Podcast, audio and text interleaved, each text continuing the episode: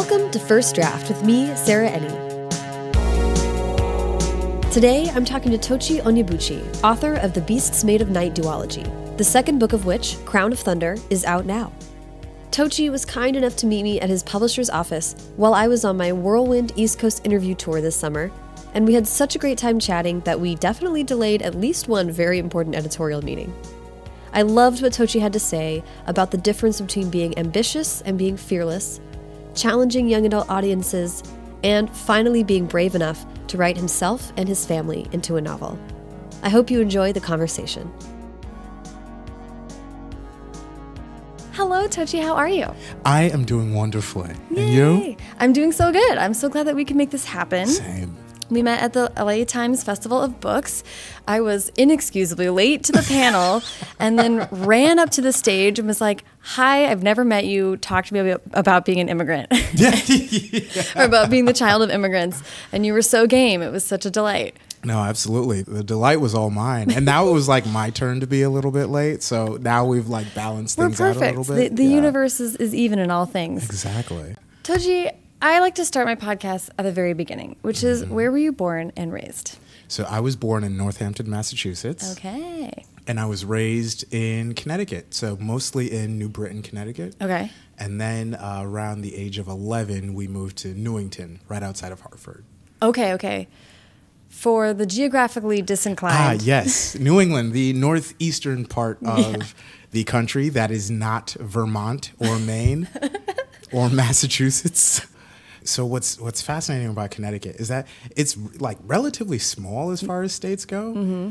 but it contains multitudes. Mm-hmm. if you want to see a microcosm of America, look no further than Connecticut. Really? all like you know whether it's political spectrum whether it's income inequality mm-hmm. whether it's you know the urban rural divide like we have cows in connecticut it blows people's minds to hear that because you know you hear connecticut and then you think oh like season six of mad men when pete campbell moves out to connecticut so that he can commute mm-hmm. because he's tired of life in the city and like he wants to raise a family and like that's what you do. You become a rich banker or advertising exec. Mm-hmm. And then you get a house in connecticut because of the property tax and whatnot and then there you go. But like that's the thing is is you look at say for instance bridgeport and fairfield connecticut mm-hmm.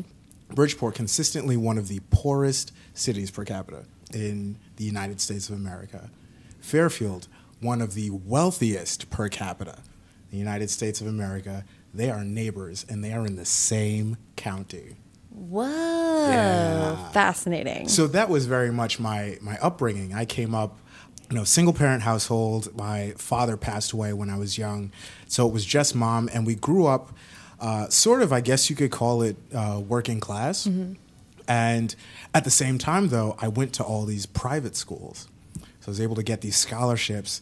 Because I was like a really smart kid, apparently, got all these scholarships to these incredible, you know, predominantly white institutions where I learned basically how to go to school with rich people, a lot of whom were from Connecticut.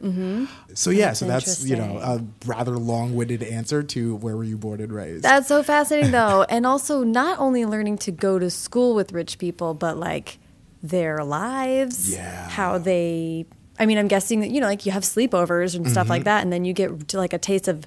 When you're a kid, it's such a funny thing to go to a sleepover and be like, what? Not everyone does things my exact way. Yeah. And that must have been like so interesting for so many different reasons. Oh yeah. So my private school experience started in middle school, so like mm-hmm. seventh and eighth grade, and that was the first time that I went to school with people that used summer as a verb. Uh-huh. And people that went skiing. Mm-hmm. Like that was mind blowing to me. But like part of it too, and I think this is uh, this is something that mom intended was that I not feel too like different and so it hadn't even occurred to me that I was like, for instance, the only black kid in the class. Uh, I was part of ski club. I was in school plays and everything. Like I was just, I was also starting to listen to, you know, Korn and Linkin Park and just like all the other kids, right? So that like that all happened, and it was interesting because that was almost perfect preparation for high school. So I mm-hmm. went to a boarding school, you know, prep school. Whoa. Yeah, so the same school as John F. Kennedy. Wow. You know, if you allow me to brag for a little bit. Please. Oh my God. The whole thing. Just go crazy.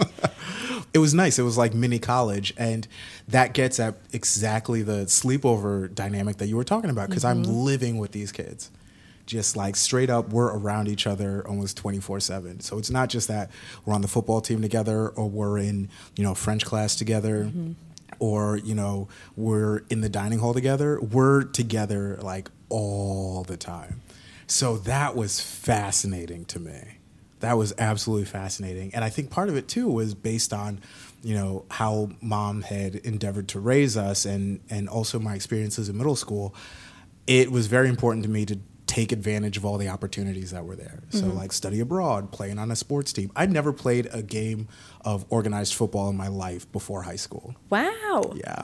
I had no idea what anybody did. Then people put pads on you and Yeah. sent you out there? That's Exa- yeah, wild. Oh my. God. So- How'd you do? Uh, my sophomore year, I was co-captain of the JV uh, football team. All right. Not bad. Not bad. Listeners, I'm brushing dirt off my shoulder. That's really interesting. And just to be clear, you are the what oldest of Oldest of four, four. the guinea pig. Ah, the, yeah, listen, I I'm only the oldest of two, but I do feel like older us older siblings. Oh yeah. we find each other. Oh yeah. Honestly, for better or worse, yeah. we're probably best suited for middle kids. To be real, Yeah. Yeah. Yeah. the youngest are too sensitive. Well, also they've been like my my youngest sister. She has it so easy. So also growing up, so not only was I a child of immigrants, I was a son of immigrants. On mm. top of that, I was the firstborn, the firstborn son of immigrants. Not only that, they were Nigerian immigrants. So you just have layers upon layers upon layers of expectation. It's literally on some like Game of Thrones stuff where I have a destiny to fulfill. Wow. Okay, I want I want to delve into this because you're sort of jumping ahead, but I'm going to keep up with you here because on the panel at the LA mm-hmm. Times Fest. I was sort of giving your resume, which, if you'll forgive me, I'm going to do it again. You have a political science degree from Yale. Mm-hmm. You went to Columbia Law School. Mm-hmm. In between those two things, you got a MFA in dramatic writing from Tisch at NYU. So you've learned things uh, well, almost professionally for a period Yeah. of your life. And when I sort of spewed all this off, you were like, "Oh yeah, well, I have a Nigerian mother," yeah. yeah. and I kind of understand that, but I just mm-hmm. want to hear you explain exactly like what you mean. Like, what do you see that tradition as? Certainly, it's it's a tradition that places perhaps the highest premium on education. So you know, they're the the the stereotypes in terms of the expectation professionally. So it's mm-hmm. like, you know, you have four career options: doctor, lawyer, engineer, and then disgrace to the family. There's like a catch-all for everything else. else. Yeah. So there's there's that professionally, but also it's we joke that we paper our walls with advanced degrees. It's just like a thing that that we do. It's like expected of us to get like PhDs or MDs or or what have you. Whenever I'm feeling low and I want to I want to feel flattered, what I'll do is I'll go on Wikipedia and I'll look up the entry on Nigerian Americans. It's the most flattering, it's just like stuff that I've ever read on the so internet interesting. about my people. I will link to it in the show notes for anyone who's interested or needs to be similarly uplifted. Yeah, no, Uh, but it's it's it, there's this high value on education, Mm-hmm. and also it's something that can't necessarily that you know that can't really be taken away from you. Mm-hmm. So like you know you could lose a job or a house or a car or what have you. At least at this point, we haven't gotten into like the far Black Mirror future, but they can't repo your degrees. right. Yes, they absolutely can't. I want to just poke at this a little bit because Mm-hmm. what's interesting to me is this is something I haven't thought about in exactly this way before, but so I'm curious about high value on gathering degrees, but to what end do Mm. you think? Because when I think about what was assumed for me, or if I can make a generalization about Americans who are far distant from our immigrant past, Mm-hmm. is like it sort of is the accumulation of power with maybe Mm, yeah. not you know, and I think the sort of like directionlessness after the achievement is what causes so much like strife that we have, which is Mm-hmm. like, then what do you do? Ferraris and you, you know, get into a drinking habit or whatever it is. Yeah. So what what do you think is the goal?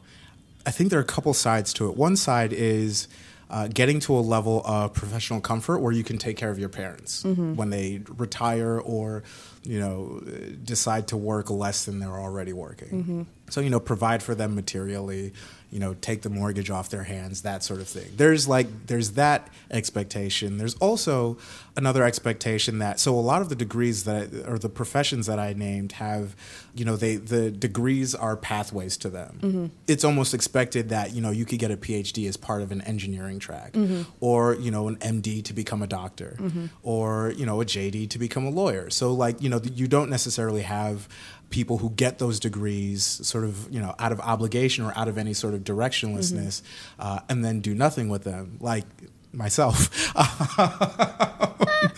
But uh, you know there's this there's this traditional sort of pathway. And i think that's one of the reasons why those particular professions are latched onto the way that they are. And also there's this idea that you know it's hard work. You mm-hmm. know that's very much valued. Mm-hmm. This idea of industry which i think is a, a larger immigrant thing as well it seems as though to me to engage in broad generalizations Yes. that there's too much of a sense of obligation surrounding professional development for at least in my understanding Nigerians to immediately fall prey to a lot of that directionlessness. So like in law school for instance, I was in school with a lot of kids who were just good at school. You know, they didn't really feel like they had the math chops to go into engineering. They didn't want to be doctors. Maybe the sight of blood just really didn't do it for them. And what's a place that really sort of valorizes standardized testing and being good at taking tests? Law school. Yeah. It's like all taking tests. It's like it's horrible. oh my! If there's one aspect of law school I wish I could do away with, it's the test taking. Mm-hmm. But yeah, but a lot of kids went wound up in law school because they were just good at school. Right. Um, whereas with you know Nigerians, the vast majority of my experience with Nigerians is that you know if you go to law school, is to be a lawyer. Mm-hmm. You know whether it's a lawyer that makes a lot of money or a lawyer that makes headlines, being a public defender or what have you. You're you're there's a professional goal at the end. Yeah, that's such an interesting point because I my uh, maybe two weeks where I was like, I think I could do law school was just like I was a journalist who was in, dealing with lawyers all the time, and I was like, if this guy can be a lawyer, then I know I can do it. And then the minute I looked into it, I was like, oh, but I don't want to do that. No, no, it's yeah. But it was diff- it was different, and then I was like, I'm I think I'm just bored, and that's different from being driven to be a lawyer. Yes. So luckily, I, I figured that out um, before I had to pay any money. But you saved yourself a lot of grief. uh, looking back, I'm like, good job. Yeah. Okay, I do want to talk about reading and writing growing up, and then sort of trace that through your education and eventually get to Beast Made of Night. But I know there's a lot of pit stops along the way. So, Yeah. how was reading and writing a part of your growing up? Oh boy, it is a journey. So growing up, I wanted to be a comic book artist. Cool. That was my like the way kids want to be astronauts or you know doctors or whatever. I wanted to be a comic book artist. I loved comics like the old X Force and X Factor books. I like you know uh, just Spider Man twenty ninety nine. Like I was just all over that. Mm-hmm. And so my mom at the time she had a second job that was sort of custodial. And she would take all us kids, and every Friday we would sort of crisscross Connecticut, and go to these different office buildings and clean them. right. So, you know, one of us would. There are four of us. One of us would, you know, vacuum. One of us would would clean the desks. One, you know, mom would always do the bathrooms, and I was the trash guy. Mm. So I would always take out the trash. And you know, there was like a lawyer shingle, like in I believe it was Bristol. There's like a water treatment plant in Plainsville. There was like an engineering factory in Hartford. There's like all these different and Really diver- different, yeah. Um, there was like a, a temp agency in Glastonbury. There were all these different, and we did this from you know when I was in elementary school at least, all the way through maybe my second year of law school. Wow. So we'd done this for a while. And when I was a kid, you know, because they're office spaces, mom would always come across people like getting ready to throw out all these binders full of paper. right. So what she would do is she would collect them and she would bring them home. And I would scribble to my heart's content. Cool. I would draw all and so these bright the thickness of these binders, they had like 500 pieces of paper in them. I would fill these up like no man's business.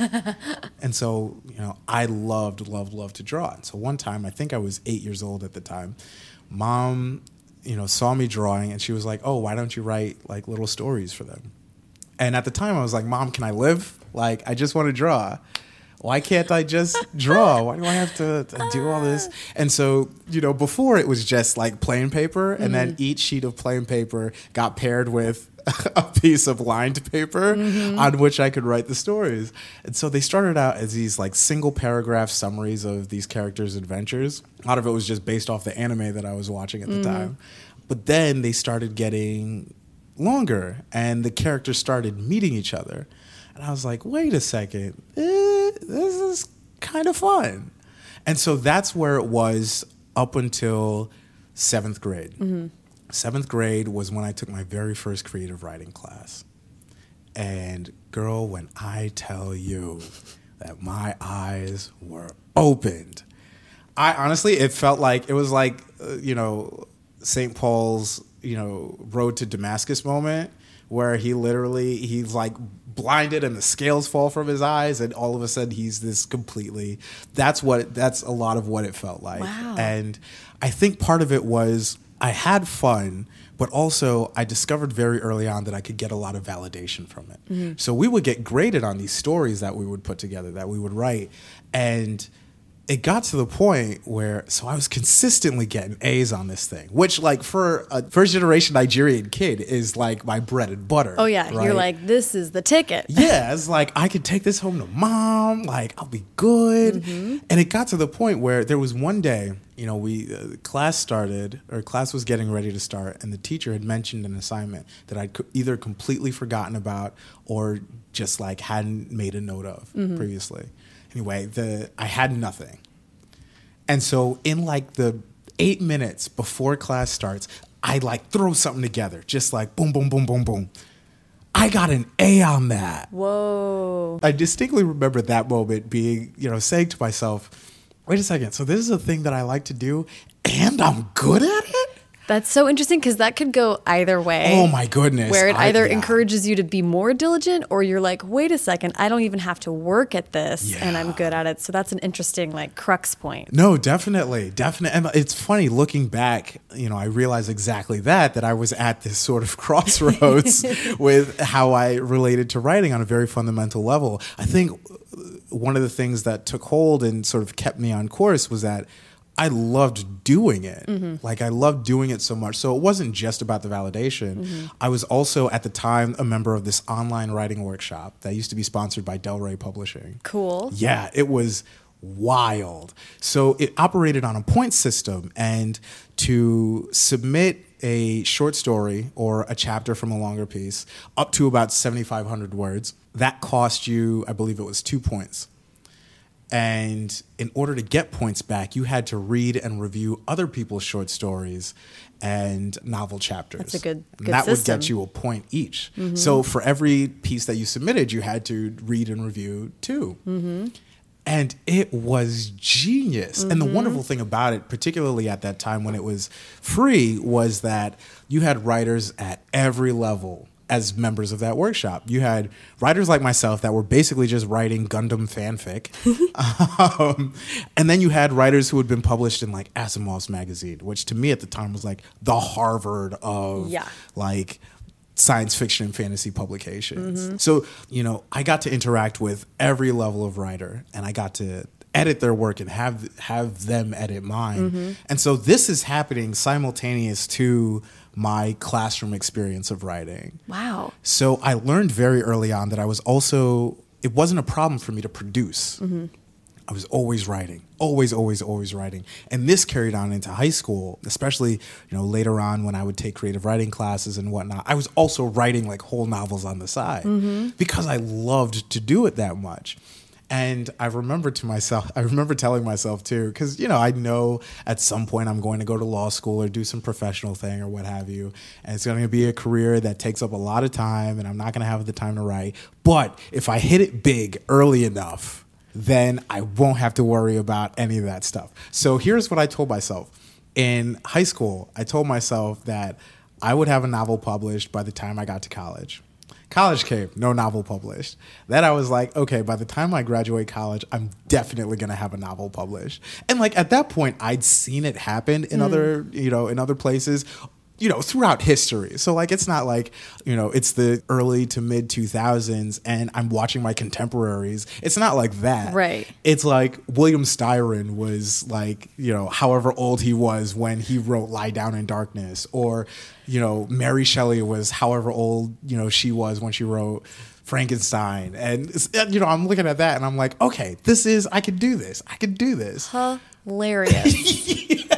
You're like, seriously, if Hamilton can write the, or Yeah. oh my gosh. The Federalist. Yeah, yeah, yeah. If we could do all that, then like, right? Child immigrants, like, we got this. We got this. Anyway, I graduated from college without having a novel published. Spoiler Wow. alert. And then it was towards the end of college that I got into screenwriting. Mm.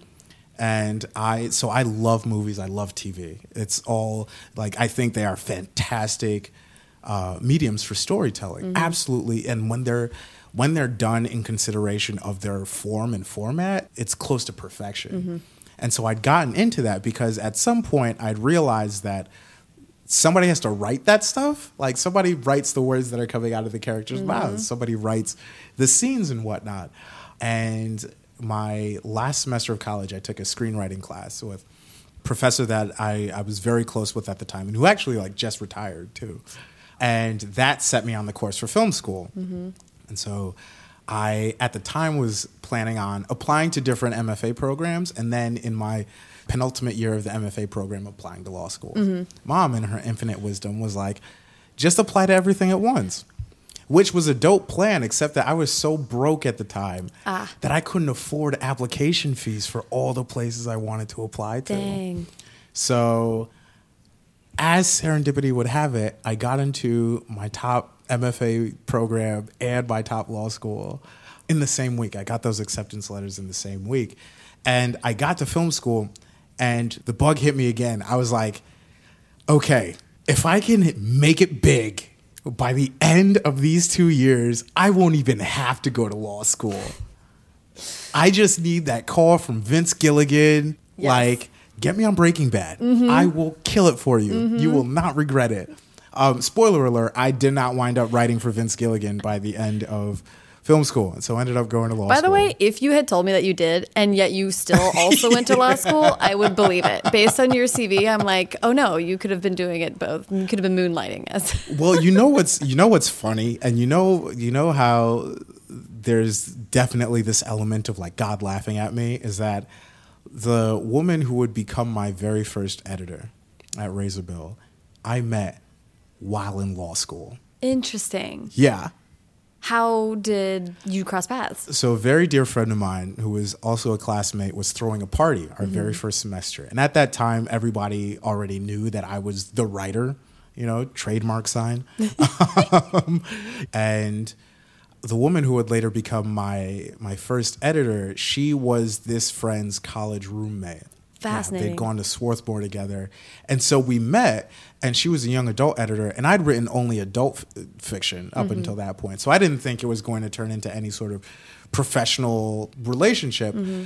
But she was a dope person, and I was like, hey, let's be friends. And so we became really close friends. And she was the person that I ended up beginning work on Beasts with. That's amazing. Yeah. So I like had to go to law school to start my writing career. to ultimately. Oh, that's so funny. Okay, so I have one million questions based on the, the story you just told, but I'm curious about that's such perseverance. Mm-hmm. It's also like so sweet and just like breaks my heart that you're just like, no, I'm gonna keep. You know what I mean? Like, like it's not not true that if Mm-hmm. No. you broke out that you could then be like, oof, okay, now I can just like. Mm-hmm. chill out with that. But what like that speaks to this like crazy steam engine of energy within you that you just kept doing both. yeah. And I want to know what was the validation you were getting through your writing that did make you Mm. continue like stick with it. So, so I guess there are two tracks to it. In academic spheres, so- so in all my creative writing classes, everybody was telling me how dope I was. Teachers were telling me how dope I was. Like, there was there was no problem getting validation there. Mm-hmm. And then in the writing workshop, I was also you know, I was getting edited, but it was by people who were operating from a place of kindness. Mm-hmm. And so it wasn't like they had an agenda or they were trying to prove anything.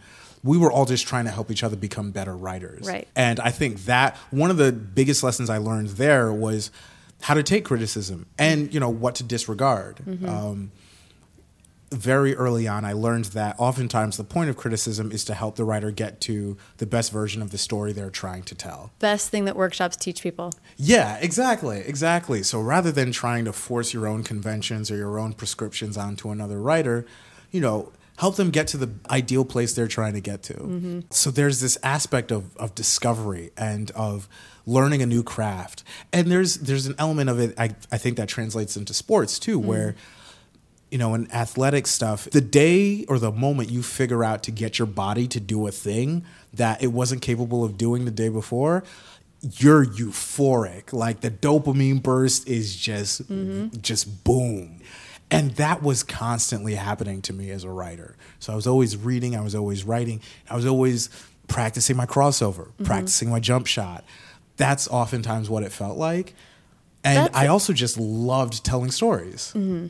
That's so interesting and so awesome because what that tells me is that you are, you know, writers can be so hard on themselves uh, constantly. And I think that for a lot of us, it can be hard to be objective even to the point of being like i am better now.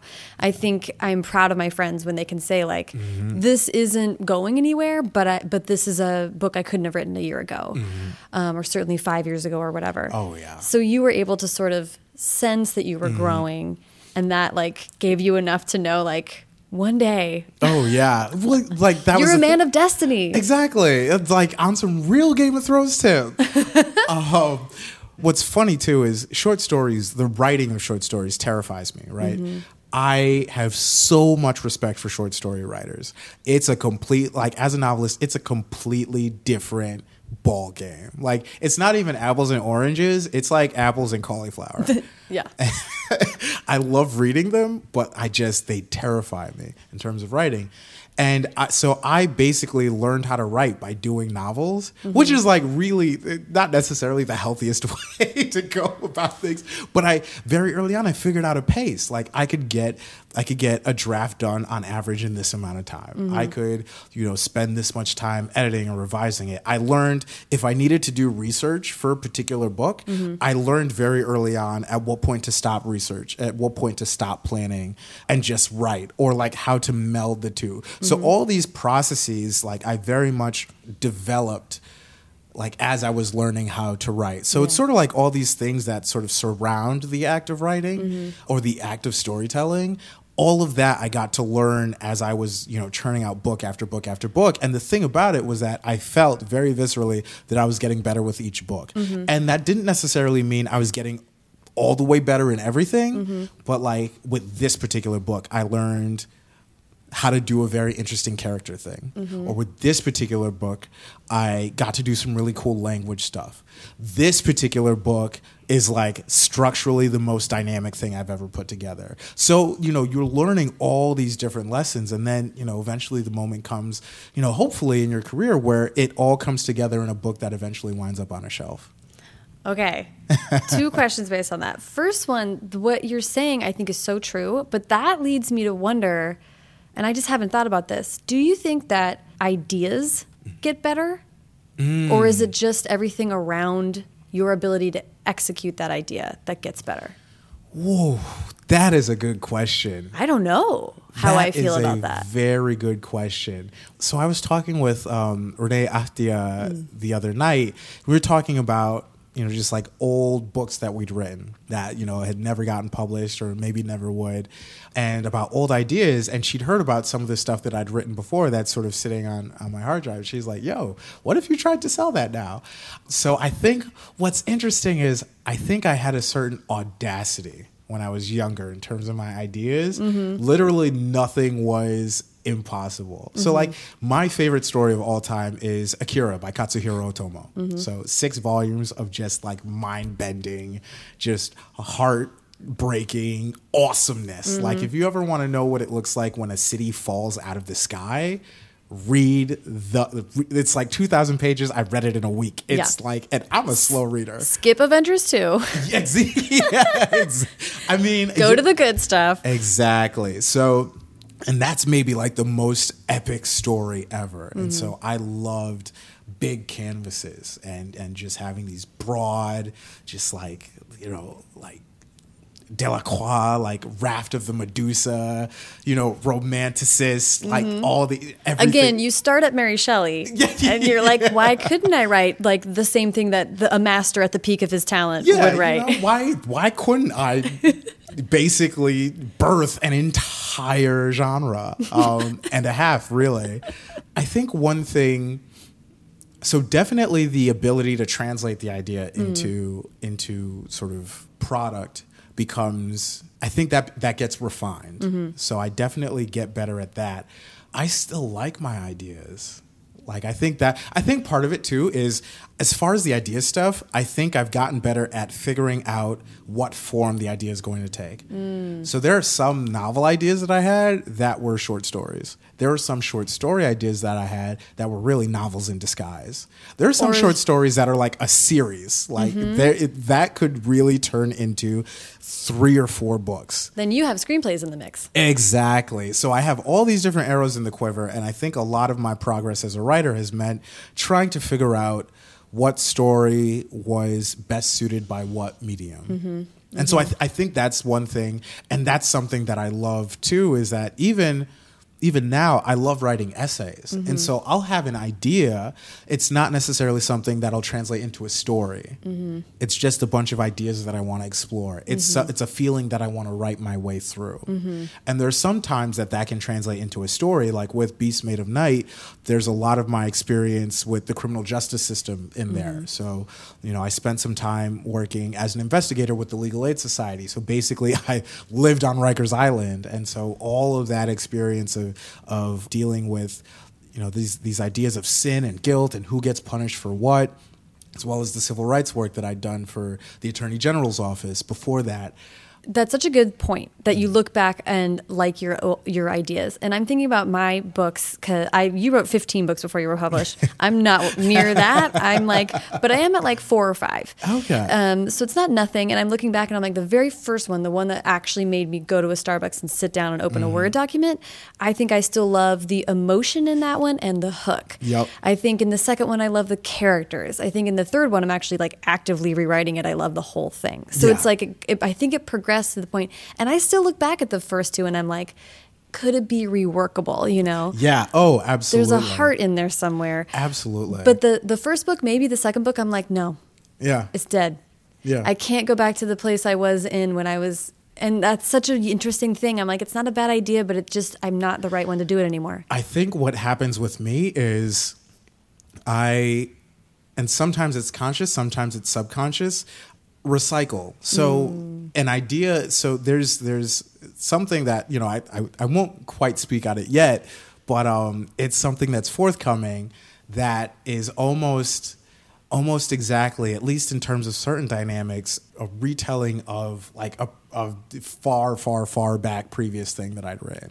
It's the same like dynamics. It's exactly what I was trying to get at emotionally. Mm-hmm. I think before, even though I had the certain audacity, I didn't have the fearlessness that I have now. Mm-hmm. So in terms of of emotional depth and really really getting close to particular material. I was writing what I thought was cool, mm-hmm. what I liked to to see, and what I what I liked to read about. I was writing that. I wasn't mm. necessarily writing stuff that was me. Mm-hmm. Whereas now I'm writing stuff that's me. So now I'm at the place as a person, as a writer, where I can look back at that idea that was really cool and really just like write the hell out of it. Mm-hmm.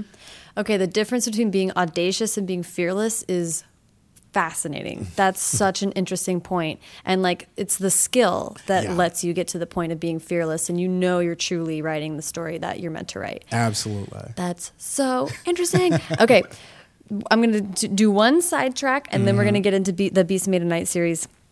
and do a lot of specific questions on that. But but it did strike me when, when I was looking through reading, uh, doing my research, as you know, you are also at while you were at Yale. This just speaks to I think you as a storyteller. Mm.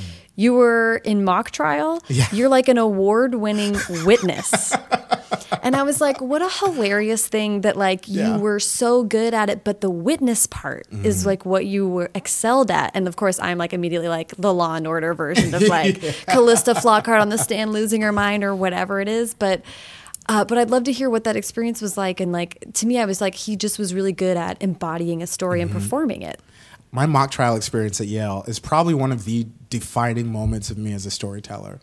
So, mock trial, particularly in the Ivy League or amongst the teams that are consistently uh, top ranking, is this very sort of staid, uh, you know, procedurally heavy thing. You know, it's a thing for kids that are good at memorizing Mm-hmm. and who are good at school and who maybe will go to law school afterwards, but are mm-hmm. not very dynamic. It's not about performance, mm. right? It's about being able to cite a particular rule. Mm. You know, it's about looking prepared.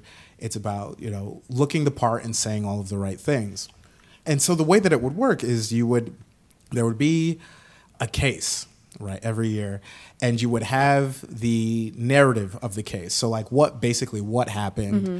Um, is this a real case or is it a? it would be based off of a real case. So they would all be based off of a real case loosely, but they would all take place in this fictional like state and you know they would have and part of that too was so that you could have fictional law applied. Ah. That would be based off of various states laws and it. various like city ordinances and whatnot.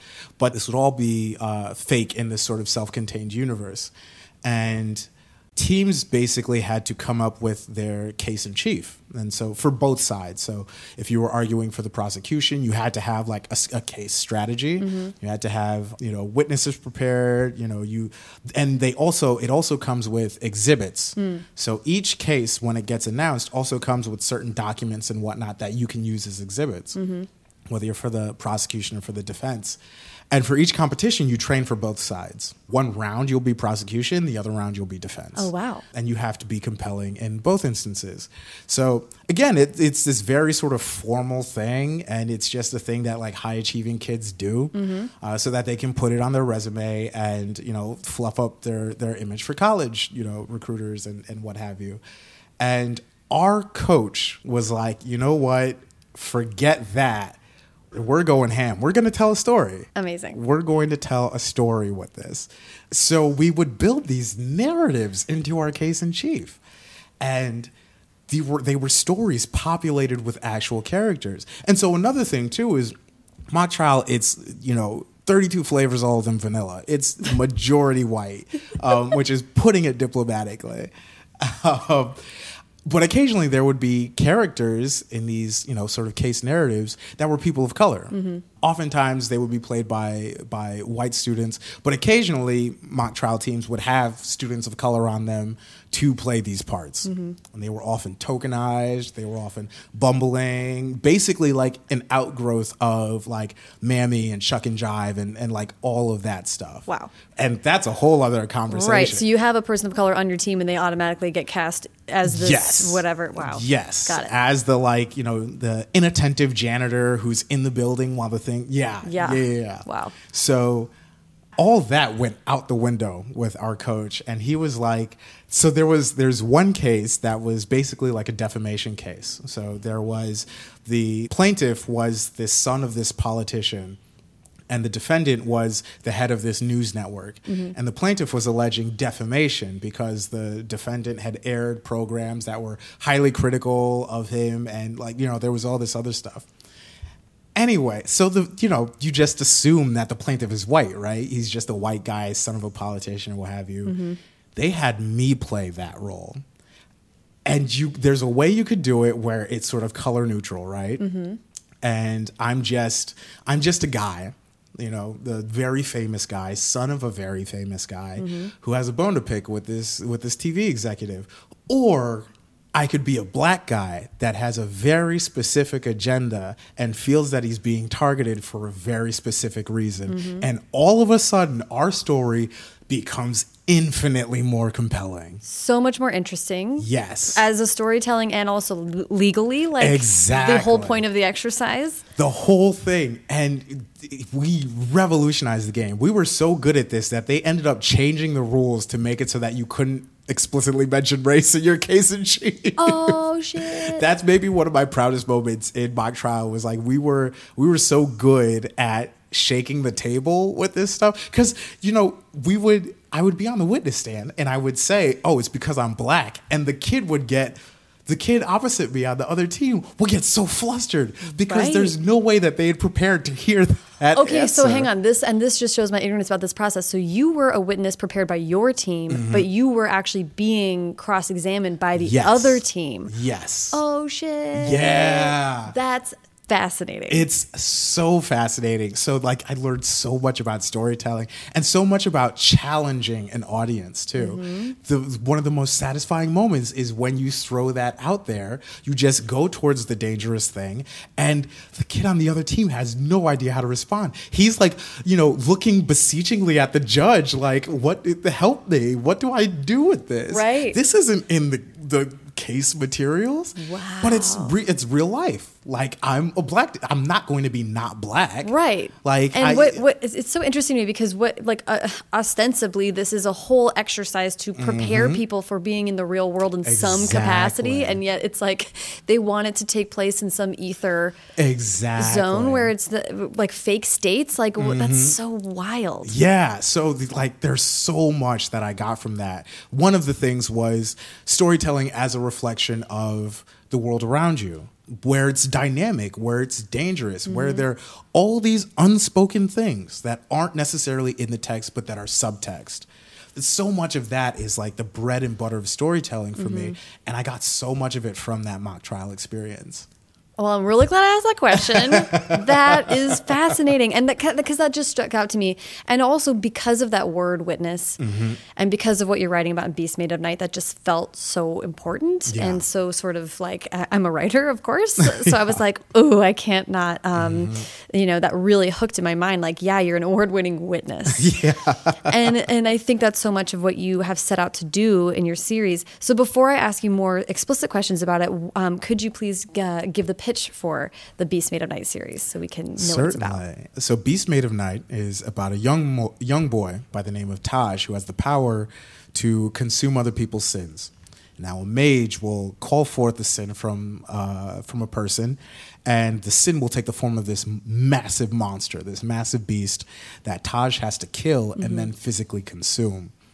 When he does this, he also consumes the guilt associated with the sinful act. And so you do this enough times, you go mad and you die, and it's not very glamorous work at all. You don't really grow up to be a middle aged Aki. Um, and one day he gets called to do this for a member of the royal family, and in the process, uncovers a plot to destroy the city. Interesting. I'm like, so I've read the book and I'm super excited about the next book and I'm very interested in not spoiling anything.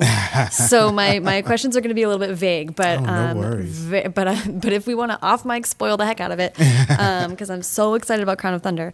So just coming pivoting from the witness discussion and me thinking about your books as witnessing your experience or the and or certainly experiences that you have witnessed through your work. I just would love to hear you talk about the inspiration for Beast Made of Night and what you're trying to work through and access as mm. part of writing the series. Certainly. So there are there are two main strains of of inspiration with it. So as I mentioned earlier, I'd done some work in civil rights and criminal justice, and I knew as I was walking through all of that and experiencing all of that that I needed to write about it because mm-hmm. oftentimes writing for me is my way of working through various thoughts and feelings that I have, emotions. Mm-hmm. You know, that's that's my perambulation, as it were. That's how I clear my head is I write something out. Mm-hmm. And I knew I needed to write about this stuff because there was so much of the human experience captured in these places that I wasn't seeing on the page. Mm-hmm. There's so much that happens in jails and prisons, not even just in terms of policy, but in terms of just the stories, in terms of what's happening to people, in terms of what, what people are are doing, what's being done to them. It sounds almost callous to talk about it in terms of narrative and drama, but some of the most audacious and most heartfelt stories that I've experienced have happened within prison and jail walls. Mm-hmm. And it seemed a disservice to not, in some way, shape, or form, sort of take that out into the world. So there's definitely an element of that where every day at work I would be confronted with these issues of sin and mm-hmm. guilt and and crime and punishment and you know trying to figure out what it all meant for me and how I how I would put all that together. So that's strain 1. Strain number 2 is this is maybe the first book that I've written that in a very concrete way addresses Nigeria. So everything that I'd written up until then whether it was like you know a civil war western or a thriller about a kosovar albanian arms dealer or you know what have you right speaking of like ideas that i still yeah, like oh my gosh. um, i never really written myself and i never really written my family into a book. And this was it was almost like the last level for mm. me in mm-hmm. terms if I've this been is the le- big boss. Yeah, exactly. This is like you know I'm missing that one skill. You know mm. I've learned how to do this thing. I've learned how to do that thing. I've learned how to you know put them together, and I've learned how to do this other thing. And now the final boss is write yourself.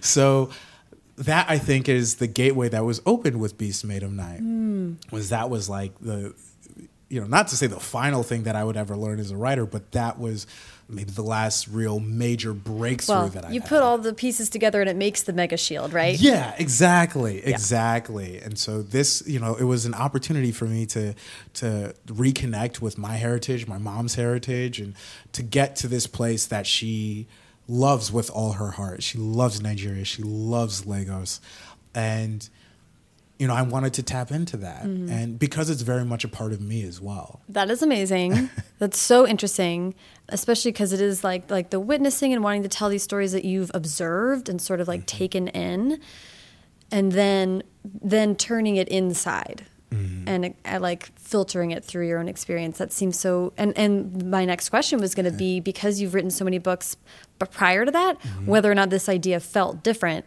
And it sounds like it did. Yeah, it felt immediately more cohesive mm. and coherent. There was almost immediately an inner logic to it. Mm. So the way that the magic system played out, who the protagonist was, the world, all of it came together almost seamlessly. And it felt real in a way that stuff that I'd written prior didn't necessarily feel real. Mm. This felt like me. Um, the other stuff was me, you know, it could be looked at as me like showing off or me, you know, a particular face of me. Mm. This felt like the closest version to all of me that I had written so far. Which is the fascinating thing about elaborate fantasy stories yep. is that they can just be the most nakedly true mm-hmm. types of stories that you reread. Um, I'm a huge fantasy reader too, so I feel like it's you show so much by revealing what you think is magic, you know, like mm-hmm. all of those elements. And I do, I really want to talk about the Nigerian aspect of the story because just gonna like, now that we have mics in front of us that can be recorded for posterity, I'm gonna ask you again the same question I asked you to start off the LA Times Festival because it's so, it's something that is just been sticking with me and I've been thinking about it now with all these other like Renee Ahdieh, mm-hmm. like Sabaa, um, Marie Lu, all, um, mm-hmm. all these other really talented writers we know, Leigh Bardugo, who are children of immigrants or immigrants themselves. How did making a fantasy story you know, especially with you, you're talking about you were raised in America mm-hmm. with a mom who is so in love with where she came from, which is a place that you can never experience mm-hmm. the way she did. Yeah. So it is a fantasy world. Like your mom is sort of like came from another dimension mm-hmm. and then gave you love for it. Yeah. So, you know, and then I just, I would love to hear you talk about all these feelings because I, I, in my head, I can just imagine a lot of feelings. Oh, so many feelings. so many feelings, especially given the current time that we live in, mm. um, entertainment wise. And I know that Black Panther, for instance, brought a lot of these questions and conversations to the forefront. And, you know, with a lot of talk of Afrofuturism. Right. And what it means, what it entails, uh, what it contains. And the more I thought about it, being born and raised in America, the son of Nigerian immigrants. I don't know if that makes me first generation or second. I kind of use the two interchangeably. Um, Oh, interesting. is I feel very much like a cyborg, you know, half and half. Mm. So, you know, I don't speak pidgin, but I know the greatness that is Nigerian jollof rice. I don't necessarily know why Tommy not having a job in Martin the sitcom is like a funny thing and a long running joke, but I've listened to the entire Wu Tang and extended Wu Tang discography. Mm-hmm. So it's like, you know, I have these, it's sort of like half of both, all of neither. And that I think was it highlighted to me the particular space that I and others in my position exist in, which is this sort of interstitial space where we can walk across that bound boundary with you know varying degrees of ease. At the same time, you know, I I haven't been to Nigeria in in maybe like almost twenty years. And like the last time I was there was actually to bury my father, who had, who had passed away. We'd buried him in in uh, his village in Umuahia, and like that was the last time I was physically in Nigeria. Wow. And I think a very interesting thing happened at Yale was it was the very first time that I was surrounded by Nigerians who were not my relatives. Really? Yeah. Cool. Which was fantastic because all of a sudden there were all these people that I could relate to that I wasn't related to. Right. what a relief sometimes. Oh my goodness, yes. But it it was nice because all of a sudden, you know, my experience wasn't isolated. You know, it was it was a shared experience. We could joke about corporal punishment. yeah. you know, all Yeah, these yeah. all these things. We could joke about food. We could joke about you know how, of course, the Nigerians wind up at Yale, right? We could make all of those jokes and understand, and we had this sort of language Finally, a um, shorthand. Exactly, Yeah. exactly. And that was an interesting thing with Beast was one of the things that happened with Beast was that my my pride in my Nigerian heritage, which you know was always there to a certain extent, got more and more vocal. Mm. You know, I was more and more loud and proud about it. Um, Through the course of writing it? Or Yeah. with, within the text of the book itself? over the course of writing it. Wow, And cool. and you know, it being out in the world. So now I'm less hesitant to start flame wars with my Ghanaian brothers and sisters about the quality or lack thereof in their jollof rice. um, shots fired, Ghanaians. but yeah, it's I think that's very and also, you know, with so much of the literature that's out now, like Nnedi Okorafor, for instance, who paved the way in such extraordinary and exemplary fashion and really made it possible for a writer like me to uh, have the moment that he's having, you know, as as a Nigerian American writer, has been such an inspiration, and you know, who's written specifically to Nigeria. Like Lagoon takes place in Nigeria, like the alien spacecraft falls in Lagos Lagoon. And then you know you have you have Tomi Adi- Adeyemi's book uh, Children of Blood and Bone, also Nigerian American, and there's this like fierce pride that comes with seeing members of your of your particular tribe just like flourish. I never stopped being proud of being Nigerian, but I it's like overwhelming. It's like annoying to people now. But I love that that writing the book gave you this outlet to Yeah. to grow in a way that's translated to your actual life. Mm-hmm.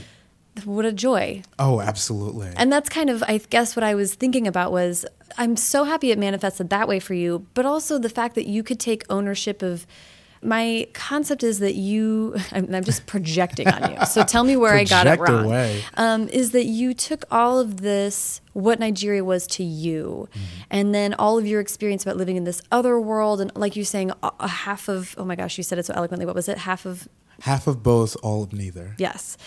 And then through the gift of fantasy writing is that you make a world where inherently you belong mm-hmm. because you are the alpha and omega of this world and you decide the parameters of the magic and who what the consequences are and who exists in that world. For like the first time. Mm-hmm. That's my projection onto your experience. No, Tell me what you think about that. I think it's very interesting because, you know, ostensibly, Kos, the city, the walled city of Kos is based off of Lagos, where my mother grew up. But, you know, there's there's a period where the main character Taj makes a transition in his environments that, if you look closely, is very much like me going to private school. Funny, yeah. you know, where you have to adjust to a completely different environment where there's a completely different type of person around mm-hmm, you. And a mm-hmm. lot of the skills that you developed in one environment don't necessarily translate to survival skills in the second. Or are like strangely fetishized. Exactly. Or, Yup. I'm like, is it too much of a spoiler to say where he just he gets adopted into a world of privilege? Yeah, he be- so Taj basically makes his way to the palace. Mm-hmm. He gets he gets sucked into palace intrigue, and yeah, that was that was me going to private school. Yeah, for sure.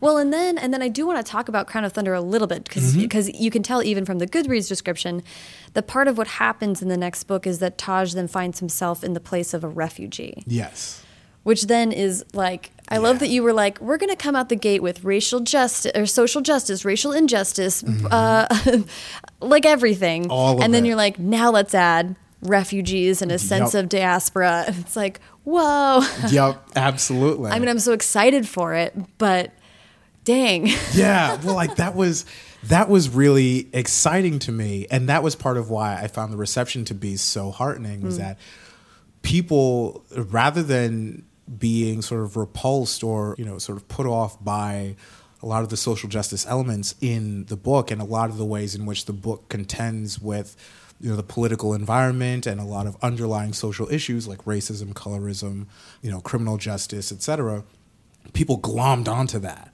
People loved it and it it did my heart so good to see that reaction mm-hmm. because i was like you know for me every story is political there's this idea that for a story to be political it has to be like a message story like here's a story about colonialism or like And at the end, what did you learn? Exactly. Here's a quiz. You know, like- exactly. like the protagonist has to have a particular line that speak. You know, it's like there there are episodes of TV that are exactly that. But every story in what you choose to depict and what you choose not to depict, Mm-hmm. the very way that you like open a see, all of that is you're making choices, Mm-hmm. and all of that is political. Like you could look at John Cheever short stories in which ostensibly nothing happens. They're like episodes of Mad Men. But like season two Mad Men, where literally nothing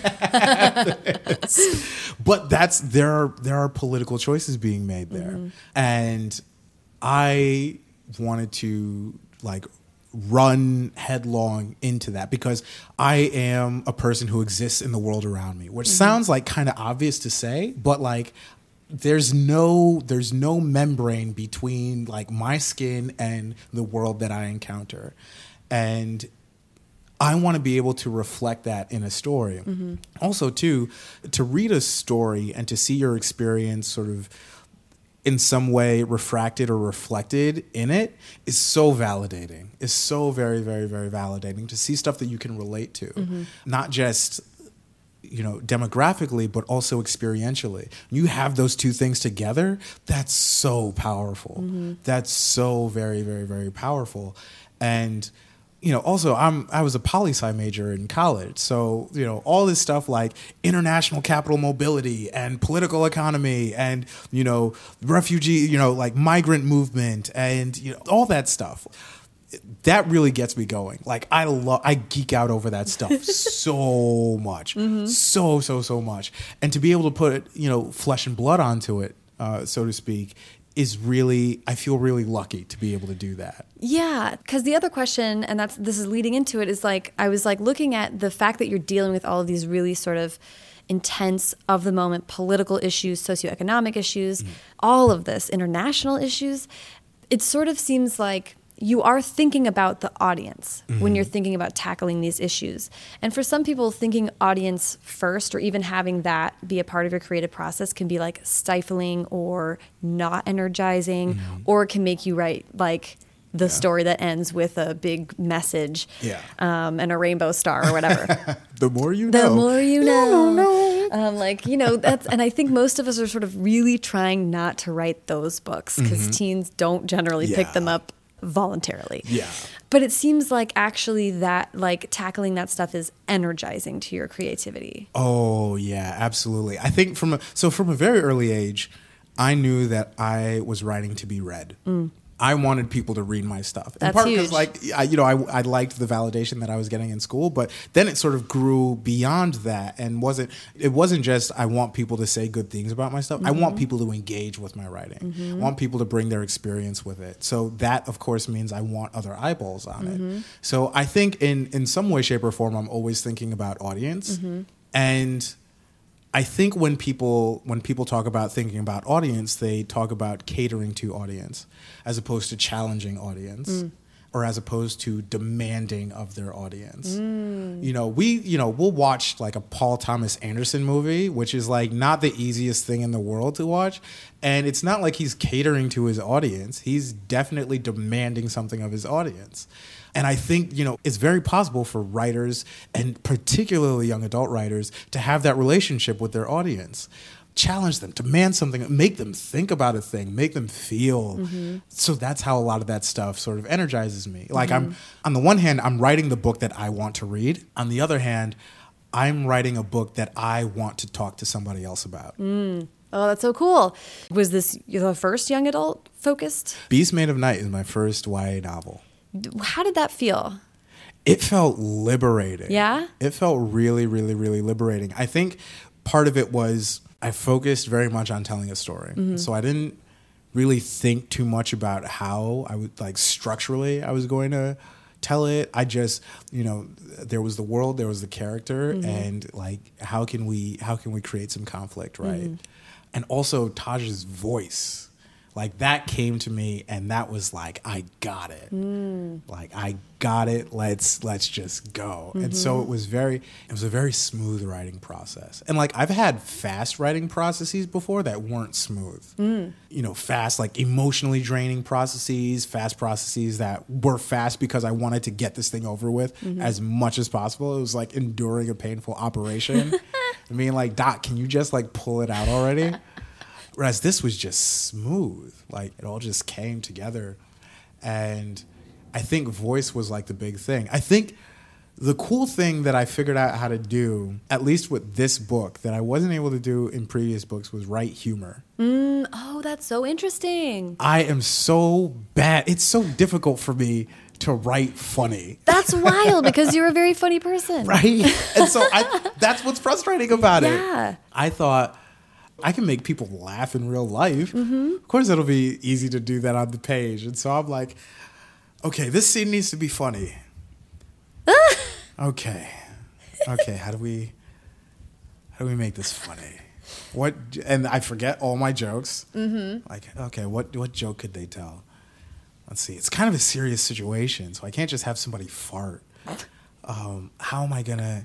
And it was I would break my brain trying to like mm. force funny into a thing, whereas with Beasts, I felt like I cracked it. And it doesn't mean that like I figured out how to write funny for everything now, but I figured it out for this book. But to me, that's so tied into you talking about discovering voice. Yeah, And it can't all it can't not be tied into you writing Nigeria yeah, and your childhood and like Mm-hmm. the heart I can only imagine like the heart of so much joy and laughter in your life. Mm-hmm. So it seems like those must have sort of coalesced. exactly. I think that's part of why this felt like a particularly charmed writing process was that all the puzzle pieces fit together seamlessly.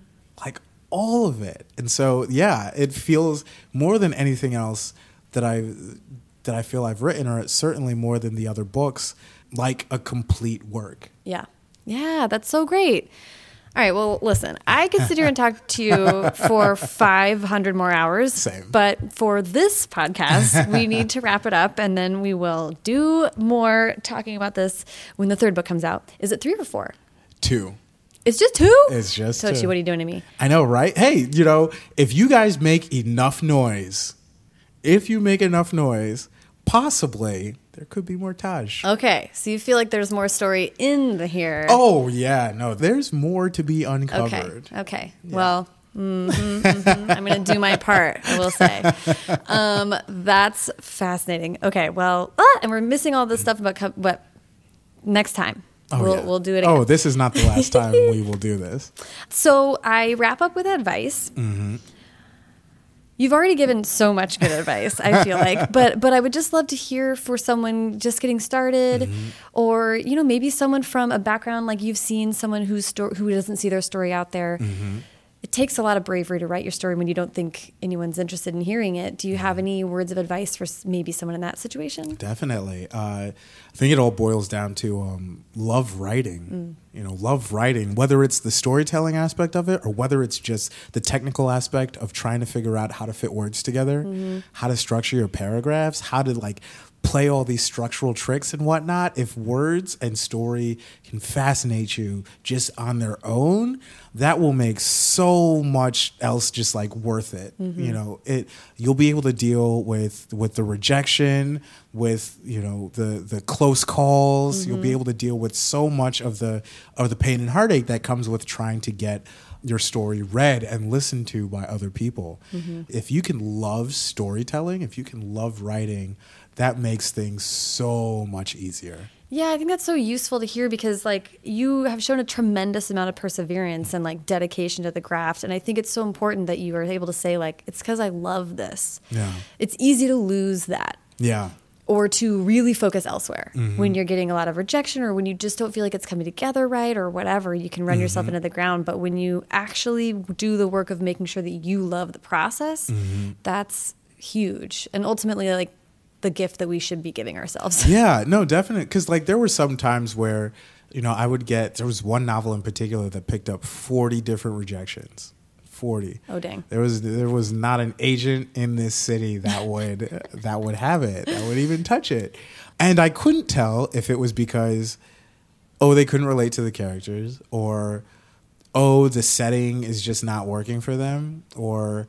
You know, oh, it's just like too big and needs mm. to be cut down by like a 3rd mm-hmm. or, or you know, they just woke up and weren't feeling it that day mm-hmm. and I can't fix that, right? Right. I can't and if I don't know what the what the problem is, what the issue is, you know, I can't address it. And even if, you know, they tell me what they think, you know, their the problem is, I don't necessarily have to agree with it. Right. You know, that's that's just their perspective. So you know, it'd be very easy for me to rack my brain trying to figure out why this novel didn't like work, Mm-hmm, right? Why it didn't work with any of these people. When I personally think it's a really dope book. right But the way that it worked out was that I was already writing the next book by the time those rejections came in because I just I I just love writing so much. I can't not write. Yeah. And that's the truism, right? Just the next thing. Exactly. There's optimism in like to yourself you can keep doing it. every every opportunity to write is an opportunity to get better at writing. Love it. Put it on a pillow. Amazing. Well, this has been such a joy, Tochi. Thank you so much. Oh, the pleasure has been all mine.